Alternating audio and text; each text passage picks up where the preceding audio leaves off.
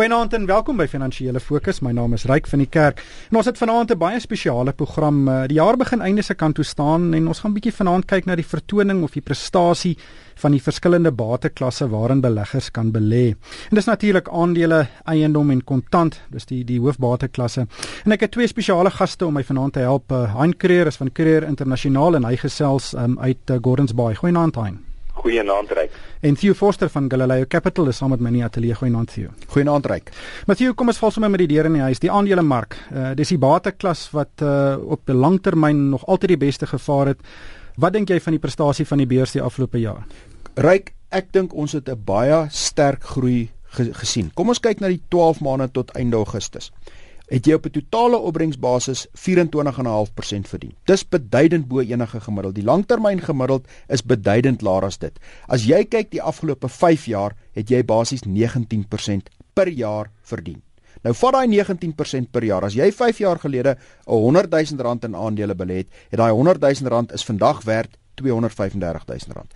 Hierdie groei is baie hoër as die langtermyn gemiddeld wat beteken jy kan hierdie groei nie aanhou verwag vorentoe nie. Maar goed, as 'n bateklas bly dit die prima bateklas. As jy dan begin kyk na van die ander bateklasse en jy kyk byvoorbeeld na inflasie. As jy net inflasie meet oor hierdie selfde periode van tyd, sou jou 100 000 rand 134000 rand moes gewees het. So aandele het besonder sterk uitpresteer en ek dink mense moet net versigtig wees. Hierdie uitprestasie het beleggers beloon vir die risiko, maar pas op, dit beteken nie hierdie uitprestasie kan voortgaan nie. Hein, weet as ons kyk na die laaste 5 jaar, dan begin dit omtrent aan die onderkant uh nadat ons daai regstelling gesien het hier einde 2008 2009. Uh, as jy dit bietjie verder terugtrek, uh, is die vertoning wat ons nou gesien het die afgelope 5 jaar, weet vergelykbaar wat ons op die langer termyn selfs gesien het. Ja en nee.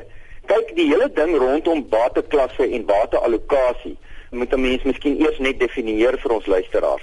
Mens praat hier van die boublokke wat jy beskikbaar het om 'n huis te bou. En hoe wend jy hulle aan en hoekom wend jy hulle aan op die manier wat jy hulle aanwend? Uh, en daarom kyk 'n uh, mens dan in portefeulje strukturering kyk jy na jou langtermynperiodes omdat dit tot 'n groot mate die uh, lawaai van uh, skommeling pryskommeling uh, uit die uh, uit die situasie uithaal. Nou ehm um, ek sit nou hier met die waterklas verdienste opbrengste oor 30 jaar voor my vir Suid-Afrika uh, en dit is gebaseer op data wat nie twyfelagtige data is nie want dit is die verskillende indekse.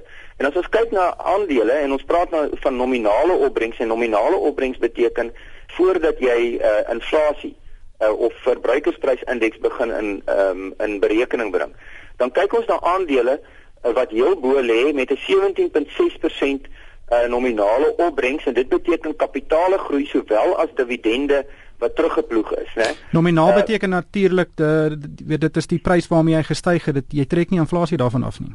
Nee, dis korrek, ja. Nou dit was 17.6% per jaar oor die afgelope 30 jaar. Dan die tweede ene is die is die genoteerde eiendomsindeks op die JSE wat vir jou 15.7% gegee het en dan is dit staatseffekte wat vir jou 13.9% gegee het en kontant wat vir jou 11.9% gegee het. En dan die interessante is residensiële eiendom wat gebaseer is op Absa se huisprysindeks wat vir jou 9.5% per jaar gegee het oor 30 jaar en ons moet onthou dat dat dit sluit in die drie grootste booms wat ons in die geskiedenis van Suid-Afrika se uh, uh, residensiële eiendomsbedryf gehad het. So ons moet duidelik onderskei tussen genoteerde eiendom wat basies 'n kommersiële eiendom is en residensiële eiendom wat basies jou woonhuis is. Nou, ryk die interessante is, dit maak nie saak oor watter tydperke en watter lande van die wêreld jy gaan kyk na hierdie uh opbrengs uh, tabelle nie. Die volgorde wat ek nou genoem het ten opsigte van opbrengs is altyd dieselfde. Maar dan die tweede ding is wat interessant is, is dat hoe hoër die opbrengs is, hoe hoër is ook die standaard afwyking of volatiliteit waarna ons verwys. Ehm um, wat beteken jou pryskommeling en wat in uh, wat deur die manne in die straat of uh, deur die populêre uh, adviesbedryf uh, uh, uh, na verwys word as risiko en ek dink 'n mens moet daardie saak ook net regstel en en en aanspreek en dan die tweede ding wat ons moet aanspreek is Hoekom kyk ons hierna? Hoekom is dit belangrik om hierna te kyk? En en wat is die doel hiervan om uh, om daarna te kyk. Ehm um, sien wat hy daar sê is baie interessant want ons sien dit op die oomblik in die mark. Daar is baie wisselvalligheid en dit sluit aan by Heinz se se siening dat hoe hoër die mark is of hoe duurder die mark is, hoe meer wisselvalligheid is daar. Maar as mens kyk na die plaaslike mark, dit word deur 11 aandele oorheers en dit is 'n groot deel van daai groei wat ons die laaste 5 jaar gesien het, het van 'n baie klein aantal aandele gekom. Ehm um, as mens die mark 'n bietjie verder segmenteer, is daar nog 'n uh, waarde op die beurs ehm um, waar mense nog steeds in hierdie in aandele as 'n bateklas kan belê? Ek het nou gepraat van die 5 jaar, hy het gepraat van die 30 jaar. Toevallig is die 10 jaar prestasie presies in die middel. Dus die 10 jaar prestasie was 19.8% per jaar die afgelope 10 jaar. Goed, wat die punt van die Suid-Afrikaanse mark betref is as jy elke dag gaan kyk na die 10 aandele wat die meeste waarde verhandel het, dan 5 van daai aandele se pryse word nie in Suid-Afrika gemaak nie en hulle besighede is ook nie in Suid-Afrika nie. Ja. Richmond, Naspers, SA Brouwery, hulle die mynbousektor, hulle dit wil sê dis nie net dat hulle besigheid in die buiteland lê nie, hulle prys word nie word ook in die buiteland gemaak. En dit beteken dit skep 'n absolute distorsie oor wat ons sien in die mark. En waar ons inkom wat dit gaan oor wisselvalligheid. Onthou, korttermyn wisselvalligheid in 'n mark is nie gelyk aan die verlies van permanente kapitaal nie. En vir 'n privaat individu is die hoof fokus wanneer hy belê, is kan ek permanent kapitaal verloor. En 'n mark wat op en af gaan verloor nie permanent kapitaal nie. Dit beteken ook ons mark begin baie nou reageer op internasionale markte. En soos die afwyking tussen die JSE en byvoorbeeld 'n breë S&P 500 in Amerika in dollar terme raak beduidend klein. Ons mark raak al meer 'n internasionale mark en nie 'n plaaslike ekonomie mark nie. En ek dink dit kan jy maar net sien as jy sien na die hoe die plaaslike ekonomie gaan en hoekom ons nuwe hoogtepunte maak. Die punt is, die twee goed is nie baie nou aan mekaar verbind nie. Maar Dit beteken nie as jy 'n baie sterk 30 jaar gehad het dat dit vir altyd 30 jaar die hmm. tipe syfers gaan kry nie. Een of ander tyd gaan ons betaal vir hierdie pragtige klomp jare wat ons gehad het. Of dit nou 5 jaar of 10 jaar of 20 jaar of 30 jaar is, ons gaan iewers op 'n stadium ondergemiddelde prestasies kry, maar dit verander nie dat jou jou primêre bateklas moet groeibates wees. En ek sal Heinz se argument verder opbreek. Ek sal sê kommersiële eiendom en 'n belangende besigheid wat aandele is, is groeibates. Dit beteken hulle kan trethou met inflasie, hulle kan produksie byvoeg. Die ander bates is boublokke, soos Hein genoem het, maar dit is nie groeibates nie. Jy moenie verwag dat jy inflasie gaan klop uit die ander instrumente uit nie. Dis basies om risiko te diferensieer, om korttermyn wisselvalligheid uit te skakel en om ook wanneer aandelemarkte by tye baie swaar afkom, wat gebeur en wat ons kan Ek weet nie wanneer die maak kan waarborg dit gaan weer gebeur om daai bietjie te buffer vir jou in jou portefeulje. Hein, kom ons kyk 'n bietjie na eiendom spesifiek. Um, ons het nou die langtermyn opbrengskoerse gesien, maar kom ons begin by residensiële eiendom. Baie mense se se grootste bate is die huis waarin hulle woon. Uh, baie mense weet hou daarvan om uh, beleggingseiendomme te koop en uit te verhuur. Dis 'n lekker tasbare en maklik verstaanbare manier om om te belê. Uh, wat is jou siening van die gesondheid of die status van die residensiële eiendomsmark op die oomblik? Die eerste ding is dat ons altyd moet onthou jy moet 'n duidelike onderskeid tref tussen jou woonhuis en sogenaamde beleggingseiendomme wat jy koop. Uh, ons praat spesifiek nou net residensieel wat jy koop en uitverhuur aan individue. Dis twee verskillende goed. Jou woonhuis is nie 'n belegging nie. Dis soveel 'n belegging as wat as wat jou graf eendag 'n belegging gaan wees. Dis 'n dak oor jou kop tot die dag wat jy jou jou jou oë toemaak jou beleggingseiendomme nou begin ons te speel in die beleggingswêreld. En bateklasse gaan letterlik daaroor dat dit is 'n relatiewe spel. Met ander woorde ons kyk na elkeen van hierdie bateklasse hierdie boublokke. Se pryse relatief tot die ander in terme van risiko opbrengs ens ens daar's 'n direkte korrelasie tussen stygende en dalende rentekoerse versus residensiële eiendom. Hoekom? Want die meeste mense wat dit koop En dit is wat dit vir my vir die individu aantreklik maak is omdat hy nie kap, oor kapitaal beskik nie, kan hy gaan geld leen uh, by 'n bank om die eiendom te koop as 'n bateklas. En nou gaan leen hulle die geld, maar nou wanneer rentekoerse daal, dan is dit 'n aantreklike tyd om dit te doen en daarom vind ons dan in in 'n dalende rentekoers tendens kry ons stygende residensiële eiendomspryse. Maar in 'n stygende rentekoers tendens kry ons 'n neerdrukkende effek op residensiële eiendom. En hierdie stygende tendens wat ons nou het, ons moet onthou, vir 40 jaar het ons eintlik 'n basiese dalende tendens wêreldwyd gehad in rentekoerse en dis een van die redes hoekom residensiële eiendom baie aantreklik gelyk het. Hoewel vergeleke met die ander waterklasse soos wat ek nou nou genoem het oor 30 jaar, is dit eintlik nie aantreklik nie. Trouwens na verbruikersprysindeks inflasie het dit maar 0,6% per jaar oor 30 jaar opbrengs vir jou gelewer. So wat ek voorsien is is dat ja, ons mark is nou baie aantreklik in terme van residensiële eiendom vergeleke met die toppunt wat ons bereik het in Oktober 2007. Maar sedertdien het die aandelebeurs het hy gestyg van sy laagtepunt na die val uh, van die markte uh, rondom November uh, 2008 tot nou toe met oor die 175% terwyl uh, residensiële eiendom in Suid-Afrika skaars met 20% na daardie soortgelyke val begin styg het in in 2008 en die probleem is omdat rentekoerse bly styg uh, gaan dit voortduur vir minstens nog die volgende uh, 5 jaar voordat mense waarskynlik 'n bietjie van 'n uitplatting in die rent in die stygende rentekoers tendens gaan kry.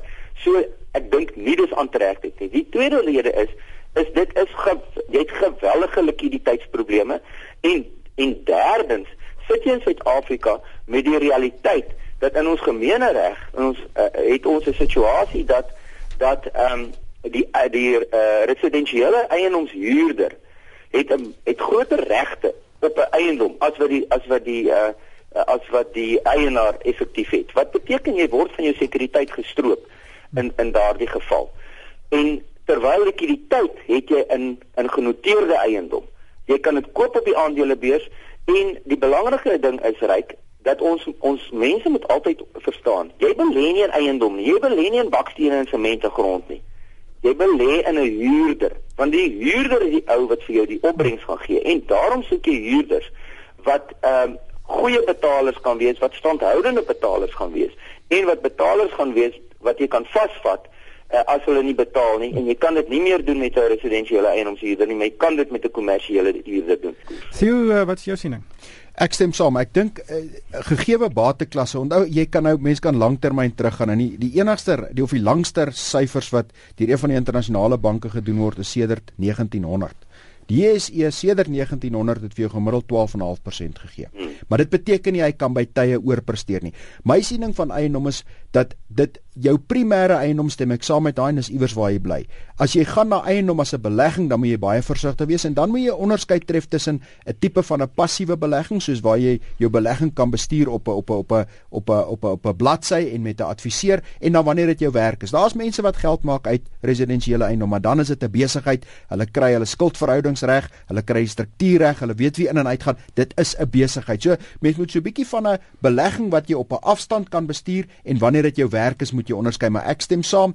As 'n beleggingsportefeulje is residensiële eiendom nie van die aantrekliker bateklasse nie. Ja, jy het die voordeel dat jy kan 'n hefboom effek daarop kry, maar nou begin jy daarmee werk. Nou raak dit 'n besigheid. En wanneer jy 'n besigheid vergelyk met 'n suiwer belegging, is dit twee aparte goed. Sien, kom ons kyk na die derde bateklas uh, kontant of die geldmark. Uh weet baie mense sien dit as 'n baie veilige weet 'n bateklas, maar ons het met uh, African Banks uh, se probleme gesien dat dit nie werklik uh, heeltemal veilig is nie. Ryk die hoofvyand van langtermynbelegging is inflasie. Dis nie markte wat op en af gaan nie, dis inflasie. En ongelukkig, as jy na kontant kyk oor lang periodes van tyd, is die verskil tussen die opbrengs en inflasie is weglaatbaar klein. En dit beteken dat jy weet amper jy gaan verloor. En en wat African Bank weer vir jou wys is, as jy geld op rente sit, kry jy opbrengsvrye risiko. Die probleem is jy klop nie inflasie nie As die inflasie klop, is dit baie baie klein en ons het gesien daar is 'n risiko aan. So ek sal baie versigtig wees. Dit ja, dit vorm deel van jou bateklas portefeulje, maar dis nie die deel wat moet groei om inflasie uit te presteer nie. Want as jy dit gaan probeer regkry, dan het jy absoluut geen kans daarin nie. So dit gaan oor oor wat jou mengsel is op die einde van die dag in steede van om te kyk na elke afsonderlike bateklas. Hein, um, kom ons kyk 'n bietjie na bate allokasie. Weet my pa sê altyd jou portefeulje moet 'n derde aandeel, 'n derde eiendom, 'n derde kontant wees. Dink jy daai filosofie uh, weet is nog 'n goeie ene in uh, in die huidige markklimaat? Ja, maar nie in daar in daardie volgorde wat jou pa gesê het nie, so ek sal 'n bietjie een of ander tyd moet om dit gaan sit in hier in in Stellenbosch en daaroor praat. Want die rede is, hoekom gebruik ons hierdie boublokke uh in die strukturering van 'n portefeulje? En dit is om aan uh om spesifiek aan uh huidige uh toekomstige mediumtermyn en toekomstige langtermyn uh kontantvloei behoeftes te voldoen. Dit is waaroor dit gaan. En uh, wanneer ons dan gaan kyk uh, na dit, dan sê jy goed vir die korttermyn en daar praat ons van omtrent 1 tot 3 jaar. Uh moet 'n mens na kontant en gedeeltelik staatseffekte begin kyk. Ehm um, hoekom? Want jy het lae volatiliteit daar en as jy dan jou kontant gaan trek om uh, om aan jou aan, aan jou kontantvloei behoeftes te voldoen, dan gaan jy nie 'n verlies as gevolg van die pryskommeling realiseer nie. Ehm uh, maar wanneer ons na mediumtermyn begin kyk en dan praat ons van tussen 3 en 4 ag 3 en 10 jaar se behoefte kontantvloei behoefte dan begin mense te kyk na 'n mengsel van van meer staatseffekte en en uh, genoteerde eiendom uh, met ander woorde baie minder van jou groeibates soos uh, uh, soos soos uh, uh soos ehm um, en uh, Tio net nou gesê het. Ehm um, en jy het 'n jy het 'n balans daarso uh in daardie portefeulje. Met ander woorde, 'n uh, medium wisselvalligheid in terme van van uh van uh uh, uh pryskommeling. En dan wanneer ons kyk na langtermyn, dan kyk jy suiwer na jou groeibates, nou na die na uh, na na genoteerde eiendom en hoofsaaklik genoteerde maatskappye en spesifiek wêreldwyd en hoekom ek sê spesifiek wêreldwyd want wanneer jy begin kyk wêreldwyd dan kom jy agter dat daar is groter pryskommeling en volatiliteit in, eh, maar daardie tipe van volatiliteit maak nie vir jou saak nie, want is langtermyn jy gaan nie daardie hmm. skommeling hoef te realiseer vir die korttermyn nie en in elk geval word jou kontantvloei eh, stroom dan al hoe groter en groter wat uit jou dividende uitbetaal word in daardie eh, in daardie portefeulje. Ongelukkig hierdie tyd ons ingehaal. Baie dankie aan Hein Creer van Creer Internasionaal en Theo Forster van Galileo Capital en van my ryk van die kerk. Dankie vir die saamluister.